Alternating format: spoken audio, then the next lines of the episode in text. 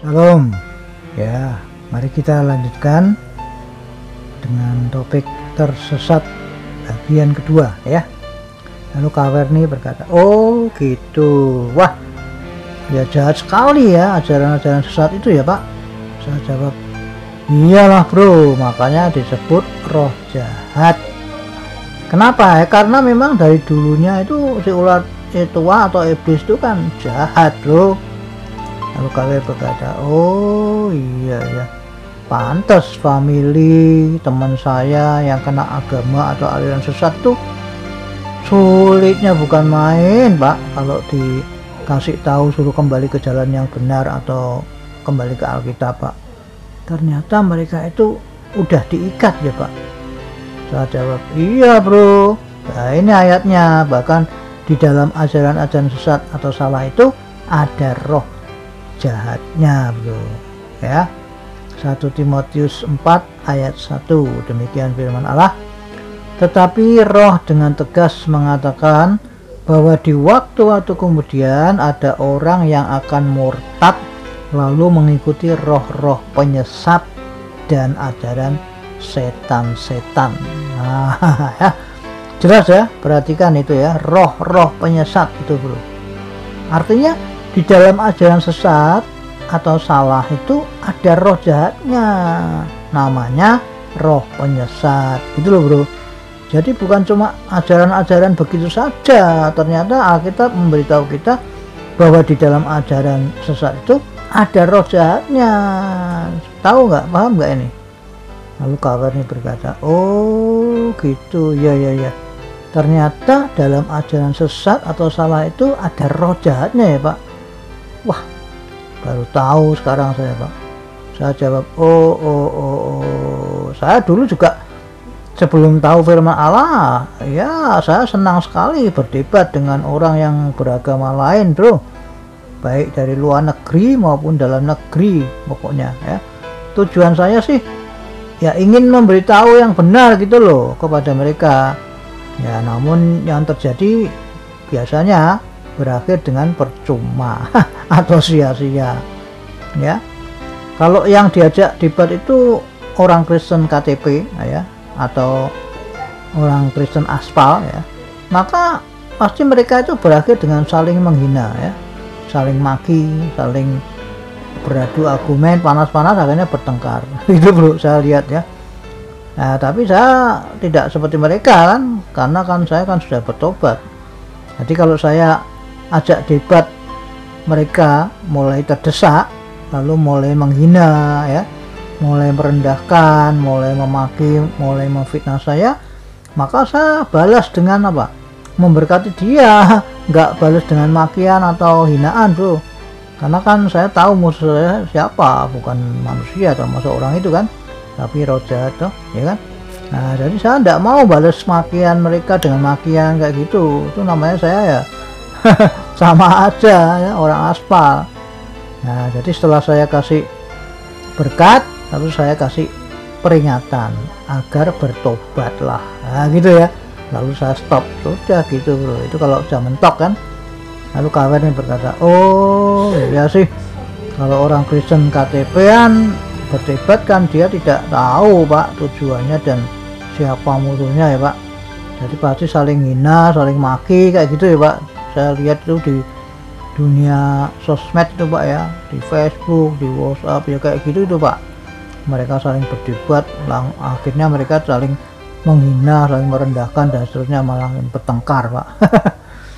Ya artinya das buta tintuk tawon ya pak orang seperti itu pak ya. Sama saja saling mawon ya pak. Saya jawab nah itulah.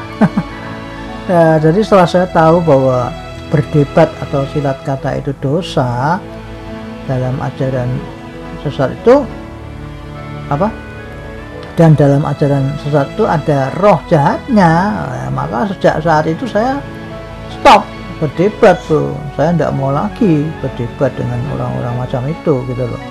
Karena apa ya percuma. Memang itu di dalamnya ada roh jahatnya. Kok kenapa saya kok ngajak debat sama si Piot? Nggak ada gunanya toh maksudnya dia tuh tidak bisa bertobat. Oh dia memang sudah ditentukan untuk mati dihukum pada harinya nanti. Jadi jangan pikir setan bisa bertobat tidak ada. Ayatnya tidak ada. Setan bisa bertobat tidak ada. Itu memang sudah sudah ditentukan untuk dihukum tinggal menunggu saatnya atau harinya tiba. Artinya percuma aja kita ngajak orang-orang yang di dalamnya ada roh jahatnya. Itu untuk berdebat supaya mereka bertobat tidak ada gunanya gitu loh bro maksudnya paham deh ya? Lalu kawan ini berkata oh gitu. Ya ya ya. Apa bedanya pak? Ayat apa? Apa ada ayatnya pak? Kalau berdebat itu atau bersilat kata itu dosa pak? Ya ada bro. Nah ini baca sendiri ya. 2 Timotius 2 ayat 14 bro. Begini baca ya ingatkanlah dan pesankanlah semuanya itu dengan sungguh-sungguh kepada mereka di hadapan Allah. Agar jangan mereka itu bersilat kata atau berdebat ya kan? Karena hal itu sama sekali tidak berguna. Nah ini jelas dituliskan sama sekali apa? Tidak berguna. Artinya sia-sia ya. Malah mengacaukan orang yang mendengarnya. Nah ini jadi sudah sia-sia membuat kacau orang yang mendengar orang yang berdebat itu kan saling beradu argumentasi kan pendapatnya. Saya menurut saya gini menurut ya dan seterusnya itu yang mendengar jadi pusing kacau pikirannya ya. Yang benar yang mana kayak gitu kan. Nah itu. Lalu KWR berkata oh iya iya iya. Ternyata ada ayatnya ya bahwa berdebat atau bersilat kata itu dilarang ya Pak. Wah baru tahu saya sekarang Pak. Kalau gitu mulai sekarang saya mau stop berdebat dah Pak. Daripada masuk neraka cuma gara-gara berdebat yang tidak ada faedahnya wah rugi saya pak. Nah bagus bro. Artinya bro itu lembut hatinya. Kenapa? Karena mau mentaati kebenaran atau firman Allah lawan katanya adalah orang yang keras hati. Nah, orang yang keras hati itu kan meskipun sudah dikasih tahu kebenaran atau firman Allah ya tapi ia tetap tidak mau percaya bro. Nah, itu namanya orang yang keras hati kayak gitu itu. Jadi kalau ketemu dengan orang kayak gitu ya sudah. Jalannya ya didoakan saja. Buat apa diajak berdebat? Malahan salah paham kan? Ya jadi selama ia tidak mau stop berdebat artinya ya ya melanggar terus firman Allah ya kan? Oh iya ya Pak kalau ini berkata. Ya Pak saya mau Pak. Jadi kalau orang yang di luar sana itu yang suka berdebat itu berarti hidup dalam dosa terus dong Pak kalau begitu. Iyalah. Ya karena kan dia melawan firman Allah di atas terus. Ya artinya selama ia tidak mau stop berdebat sekali lagi ya artinya ia hidup dalam dosa terus kan tuh karena kan melawan firman Allah terus kan dosa itu kan adalah pelanggaran terhadap firman Allah dikatakan di satu Yohanes ya ya kalau tiba-tiba mati belum bertobat ya bagaimana nasibnya? Lalu bagong ya akan neraka pak saya jawab iya tuh jadi paham ya lalu kawannya berkata Oh gitu, ya ya paham pak. Ya saya jawab karena dalam berdebat itu kan saling beradu argumen atau pendapat bro. Jadi ya masing-masing ya pasti mau menang lah bro. Nggak ada orang berdebat mau kalah itu nggak ada. Mesti mau menang ya kan. Akhirnya pasti saling menghina, saling merendahkan, saling memaki. Ya bertengkar lah ya pokoknya. Jadi orang yang tidak percaya Yesus itu memang tujuannya mereka berdebat itu hanya untuk menyerang dan menyesatkan orang bro gitu loh. Nih ayatnya. 1 Timotius 6 ayat yang 4 ya demikian bunyi firman Allah. Iya nah ini iya ini orang yang tidak percaya ya ia adalah seorang yang berlagak tahu. Oh, dikatakan seorang yang berlagak tahu padahal tidak tahu apa-apa. Penyakitnya ialah mencari-cari soal dan bersilat kata. Ya menyebabkan dengki cedera fitnah curiga. Nah jelas kan? Lalu kawan ini berkata oh iya ya.